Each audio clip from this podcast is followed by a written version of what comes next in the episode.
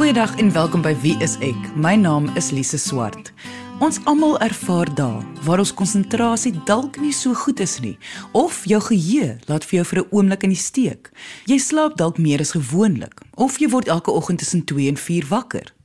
Soms is daar duidelike redes, so stres by die werk of in jou verhouding, en soms is daar geen ooglopende rede nie. Jy sukkel net om te konsentreer. Jy slaap te min of te veel of jou geheue is aangetas. Wat kan die moontlike oorsake wees? Kan 'n persoon, soos die meeste van ons doen, dit net ignoreer en hoop dit raak weer beter, of is jou lyf of brein besig om vir jou iets te probeer kommunikeer? Ek gaan al hierdie vrae en nog baie meer vir Anton Bemer, kliniese sielkundige van die WSX span vra, veral omdat hy jare se ervaring het van neuroverwante behandeling en assessering in sielkunde. Voor ons nou almal skrik op die lyf jaag. Dit is normaal om van tyd tot tyd iets te vergeet of om sleg te slaap of om te veel te slaap of om sleg te konsentreer by die werk. Niemand hoef bekommerd te wees daaroor nie. Natuurlik is dit so. Ons is almal net menslik. So niemand van ons is perfek in wat ons fisies kan doen nie en ook in terme van hoeveel inligting ons elke dag kan onthou nie. En daar is sekere dae wat ons meer gespanne is of gejaagd is om iets te doen. Ek het byvoorbeeld vanoggend vroeg ingekom werk toe want daar was sekere dinge wat ek moes klaarmaak en toe ek hier aankom toe besef ek ek het my rekenaaarkabel by die huis vergeet asook my trouring van alle dinge. So weet daar's nou vir vir my 'n baie sprekende voorbeeld in terme van hoe mens op 'n spesifieke oomblik dalk sekere dinge net agterlaat.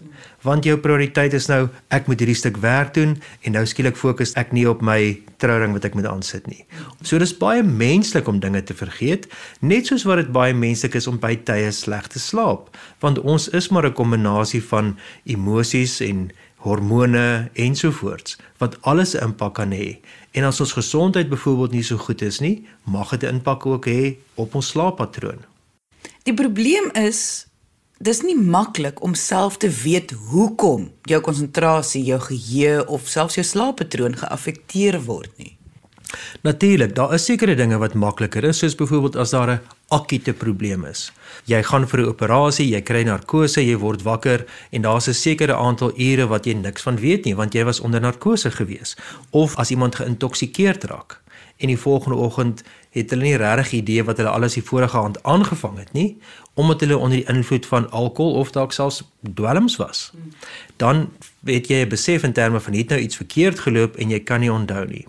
Maar baie keer is dit so dat mense aanmerkings hoor van mense rondom hulle om te sê maar weet jy dat jy dit gesê het of dit gedoen het en mense is nie noodwendig bewus daarvan dat hulle dit gedoen het nie. Dit kan wees as gevolg van fisiese redes, daar kan 'n fisiologiese gesondheidsprobleem wees, dit kan wees as gevolg van emosionele probleme in hulle lewe dat hulle dalk slegter konsentreer wat die gehalte van hulle geheue kan beïnvloed of ook eksterne faktore natuurlik. So kom ons vat byvoorbeeld slaap as 'n voorbeeld. Hier teen die einde van die maand slaap jy slegter want jy is bekommerd oor jou debietorders wat aan die begin van die maand moet afgaan. So dit is nie noodwendig dat jy altyd bewus is van die patroon in daardie oomblik nie, maar as iemand van jou vra, kan jy dalk opmerk daar's 'n sekere patroon wat plaasvind met jou slaappatroon wat versleg sekere tye van die maand.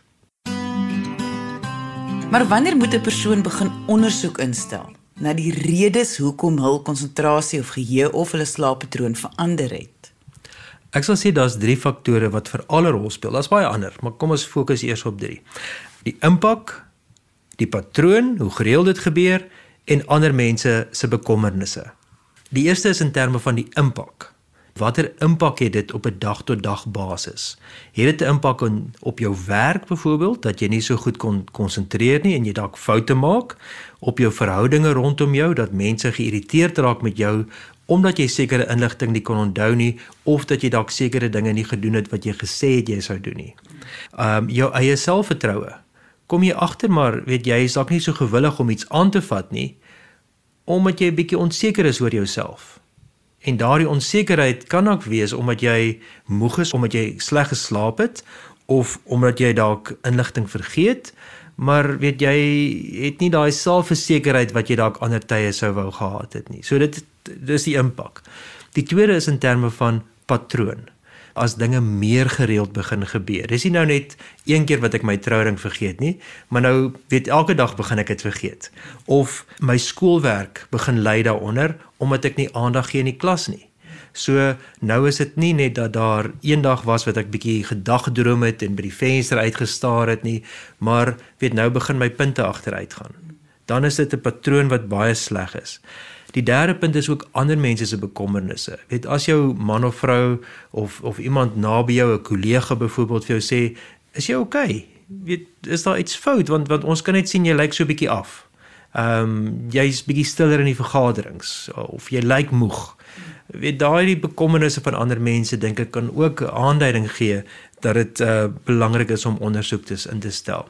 Daar is natuurlik 'n uh, sekere tendens ook binne families met sekere pro probleme.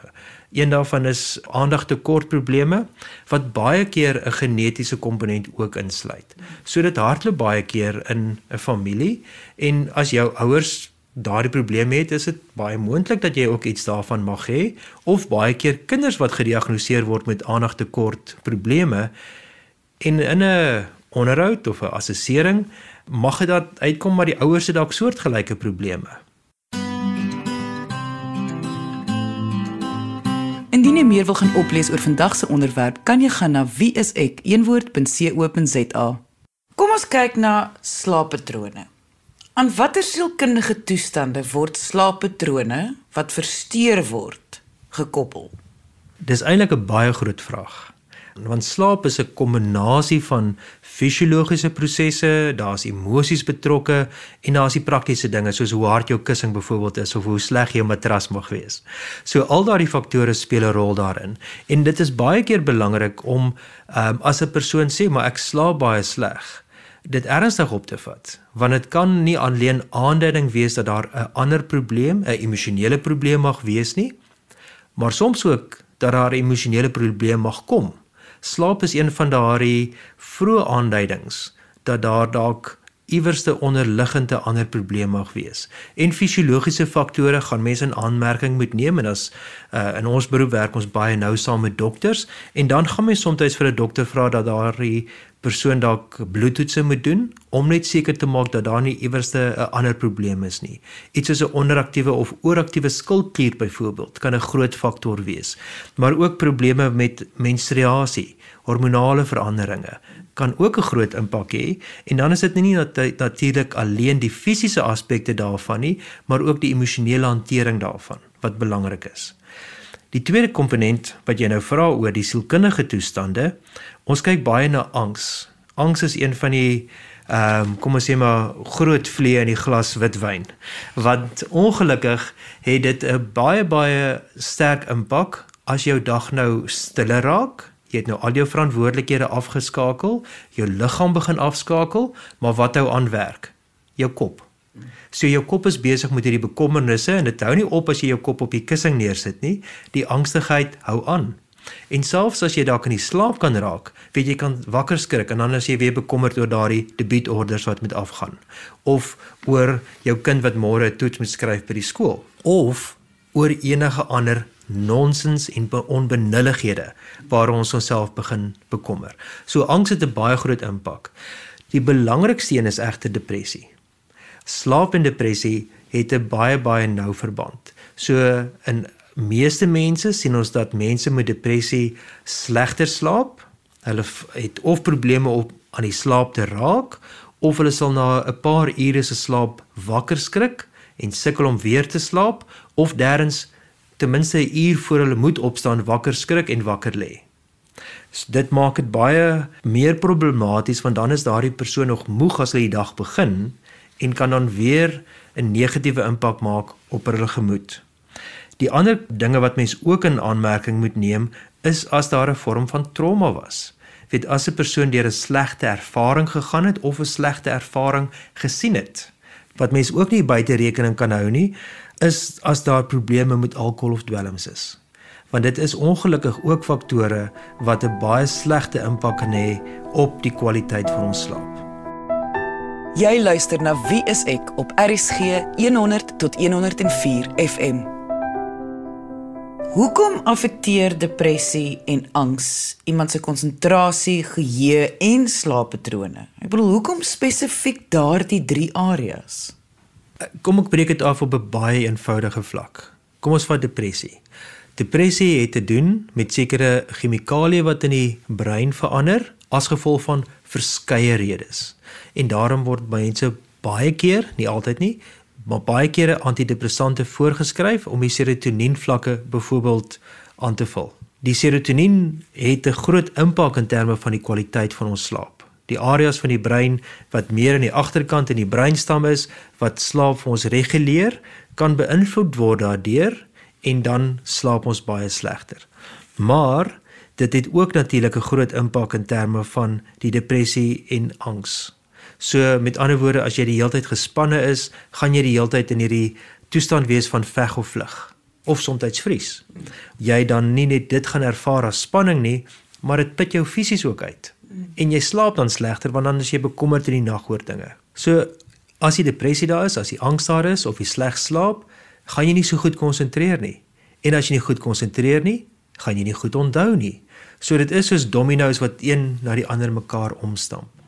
Die ander komponent ook daarvan is dat een van die kriteria vir depressie is dat dit jou kwaliteit van denke, jou konsentrasie en jou besluitnemingsproses sleg beïnvloed. So depressie affekteer nie net hoe ons voel nie, maar ook in terme van hoe goed ons kan dink en kan konsentreer en onthou. Ons kyk vandag na konsentrasie, geheue en slaappatrone, drie aspekte wat 'n groot rol saam en apart in ons lewens speel. Al drie kan ook 'n aanduiding gee van of alles nog reg is in jou lewe. Indien jy nou eers ingeskakel het en die eerste helfte van die episode gemis het, kan jy gaan luister na die potgooi op RSG se webwerf by rsg.co.za. My gesprek oor hierdie drie areas en hul effek is met Anton Bemer, kliniese sielkundige in die Wie is ek span. Kom ons luister verder na die gesprek. Ek verwys nou die hele tyd na 'n patroon wat verander. Dit is tog die eintlike goue reël in menslike wetenskap dat wanneer 'n persoon se patroon verander, iets dalk verkeerd kan wees. Natuurlik, en nie net in menslike wetenskap nie, maar in enige wetenskap. As ek my motor in die oggend um, uit die garage uit trek en ek sien daar's 'n oliekolletjie, dan mag ek bietjie bekommerd wees. Maar as ek nou elke oggend sien daar's 'n groter oliekol, dan is daar nou 'n patroon wat vorm. Of ek hoor 'n geluid, iets klap in my kar, maar dit raak erger. So daar's 'n slegte patroon wat ek optel en dan wil ek graag ondersoek instel wat dalk die fout kan wees. En dieselfde gaan as ons kyk na menslike gedrag. As daar iets is wat gebeur en dit gebeur weer en weer en dit word dalk erger, dan wil mens uitvind maar hoekom is hier 'n verandering in 'n patroon? Iets wat van tevore heeltemal normaal en oukei okay was en goed gewerk het, en ewe skielik gaan dit so 'n bietjie off center. Dit dit verloor 'n bietjie kleur. Ek dink dat dit ook belangrik is om te sê dat sekere patrone verander as gevolg van eksterne gebeure soos byvoorbeeld 'n student wat 'n eksamen moet gaan skryf. En nou in daardie tyd slaap hy minder, weet hy is dalk bietjie meer gespanne, hy voel hy konsentreer minder op ander dinge wat gewoonlik belangrik is, want al sy tyd en aandag word nou deur die studies opgeneem. En dit is normaal. Net soos wat ons dalk 'n groot audit by die werk moet doen of so voort, jou fokus word so daarop vasgevang dat jy dalk nou minder gereeld gaan fliek of gaan draf of gaan koffie drink saam met 'n vriendin. So daardie patrone is heeltemal normaal want jy moet aanpassings maak by eksterne dinge in jou omgewing wat verander.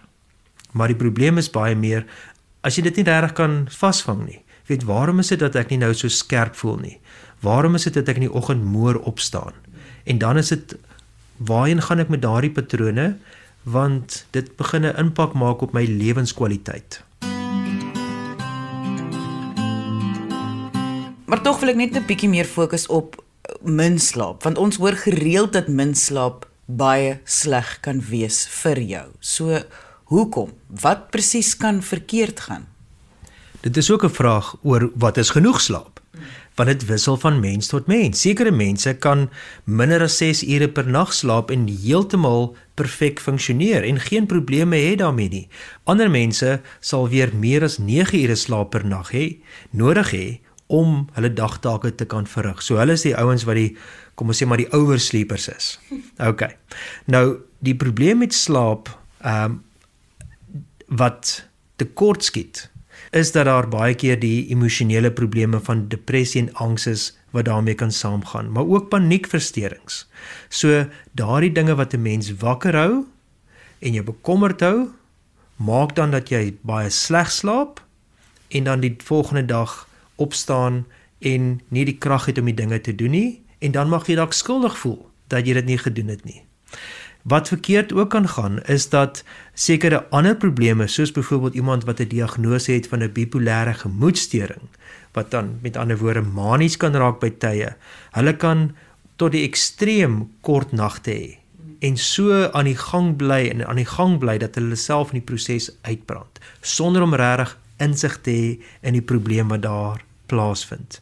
Dit is ook wat ons al van tevore gesê het, patrone wat vorm. So nou word daar 'n patroon gevorm van te min slaap wat jou dan nie net fisies emosioneel uitput nie, maar ook emosioneel. Dit is 'n baie belangrike ehm um, komponent om in aanmerking te neem ehm um, hoeveel slaap mens nodig het. Indien jy meer wil weet oor Anton Bemer, gaan na ons webtuiste by wieisek.co.za. Kom ons kyk nou na konsentrasie. Aan watter sielkundige toestande word die verswakking van konsentrasie gekoppel? En ongelukkig is daar niks verkeerd daarmee om te goed te konsentreer nie. Ons sal almal graag te goed wil konsentreer, maar dit is nie altyd so maklik om dit reg te kry nie. En ongelukkig is daar in die navorsing nie altyd klink klaar redes waarom ons swakker konsentreer nie. Veral as daar weer eens nie buitefaktore is soos byvoorbeeld spanningsvolle situasies of trauma en so voorts nie. Ons weet dat familiegeskiedenis wel 'n rol kan speel en ons ons kyk daarna met die evaluasie van kinders byvoorbeeld, maar ook in terme van waar daar uh, volwasse mense mag wees wat moontlik aandagtekort probleme kan hê. Gesondheid speel 'n belangrike rol. So Die evaluasies het ook nodig om te kyk of 'n persoon 'n goeie gesondheid het, want byvoorbeeld as jy fisiese pyn het, maar ook ander, kom ons sê 'n infeksie het, mag dit jou konsentrasie vermoë uh verander. 'n Belangrike faktor is egter ook emosionele welsyn. En natuurlik ook kan mens nie persoonlikheid buite rekening hou nie. Daar is net sekere persone en kinders wat baie meer aktief is Nie op 'n slegte manier nie, hulle is nie hiperaktief nie, maar hulle belangstelling is nie noodwendig daar op die boek se bladsy nie of in terme van wat 'n onderwyser sê of selfs in 'n vergadering nie. Persoonlikhede verskil en dit maak dat ons sekere sterk en swak punte het. En net so slaaploosheid is dan natuurlik hierdie ander faktore wat ons meer die emosionele of funksionele faktore noem, angs, depressie, paniekaanvalle wat ook 'n slegte invloed sal hê op konsentrasie. Jy luister na Wie is ek op RCG 100 tot 104 FM. Ek weet nie van ander mense nie, maar ek hou daarvan wanneer my konsentrasie goed of beter is as gewoonlik. Het jy dalk vir ons 'n oefening wat mens kan doen om konsentrasie te verbeter? Ek sal twee dinge sê. Die een ding is om dinge uit te skakel wat jou konsentrasie belemmer. Met ander woorde, spanning Spanning is nie goed vir jou konsentrasie nie. Hoe meer stres jy het, hoe slegter konsentreer jy. So probeer eh, die die spanning minder maak en meer ontspan, dink ek dis aan die een kant belangrik. Die ander kant klink dalk baie eenvoudig, maar dinge so speletjies help ons om te konsentreer, om kaarte speel, om 'n bordspeletjie te speel waar jy moet konsentreer in terme van wat moet gebeur. Bou puzzles, weet speel Sudoku is daar iets wat jy van hou soos blokkies raaisels. So dis nie noodwendig dat jy iets nuuts in jou lewe moet doen nie, maar dinge wat pret is om te doen, wat jou konsentrasie kan verbeter. Jy kan natuurlik ook baie meer lees.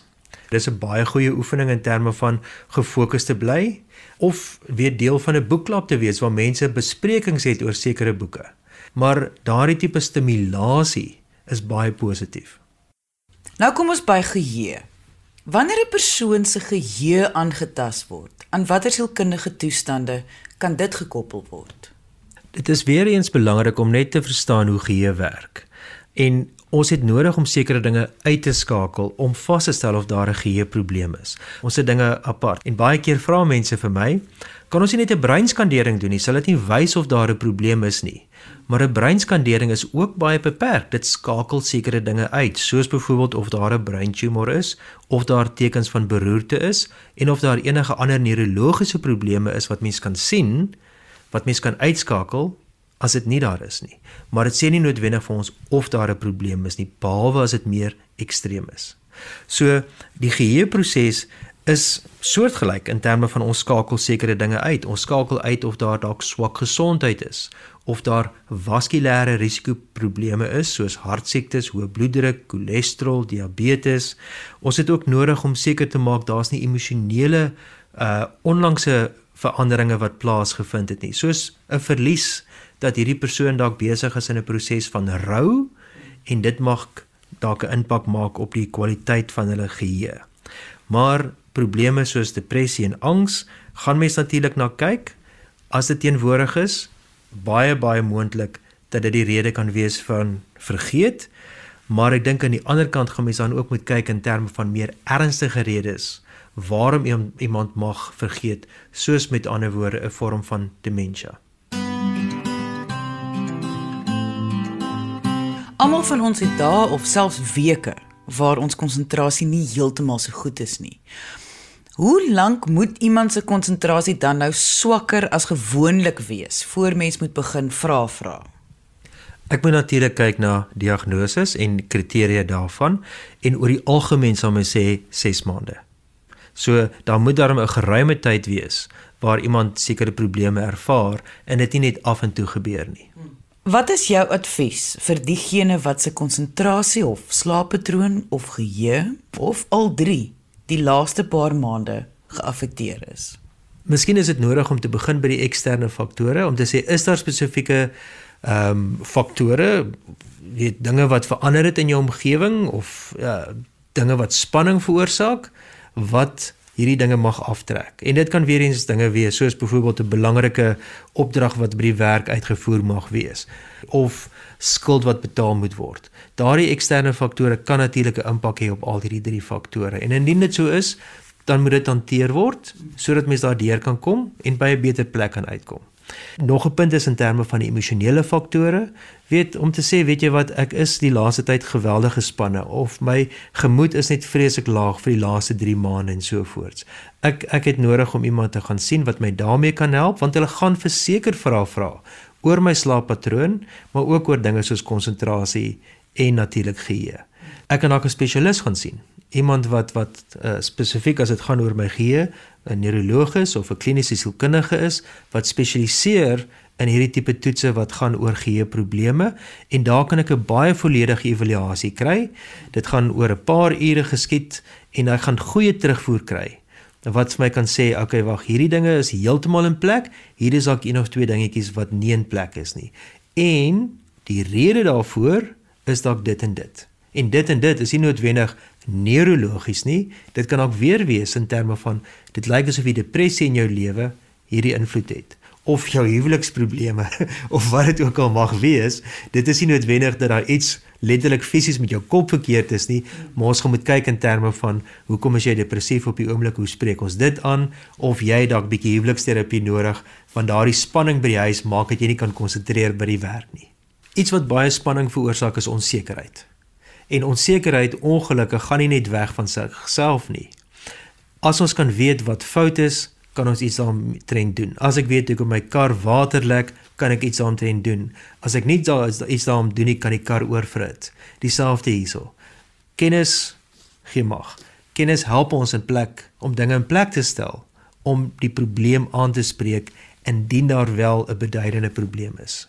Ons gaan volgende week aangaan met hierdie gesprek. Maar indien jy enige vrae het oor vandag se onderwerp, kan jy ons kontak via ons webtuiste by wieisek.co.za of kom gesels saam op ons Facebookblad onder wieiseksa. Dankie dat jy vandag ingeskakel het. Ons maak weer so volgende Vrydag 12:30 net hier op RSG. Jy moet 'n heerlike naweek hê en onthou, kyk mooi na jouself.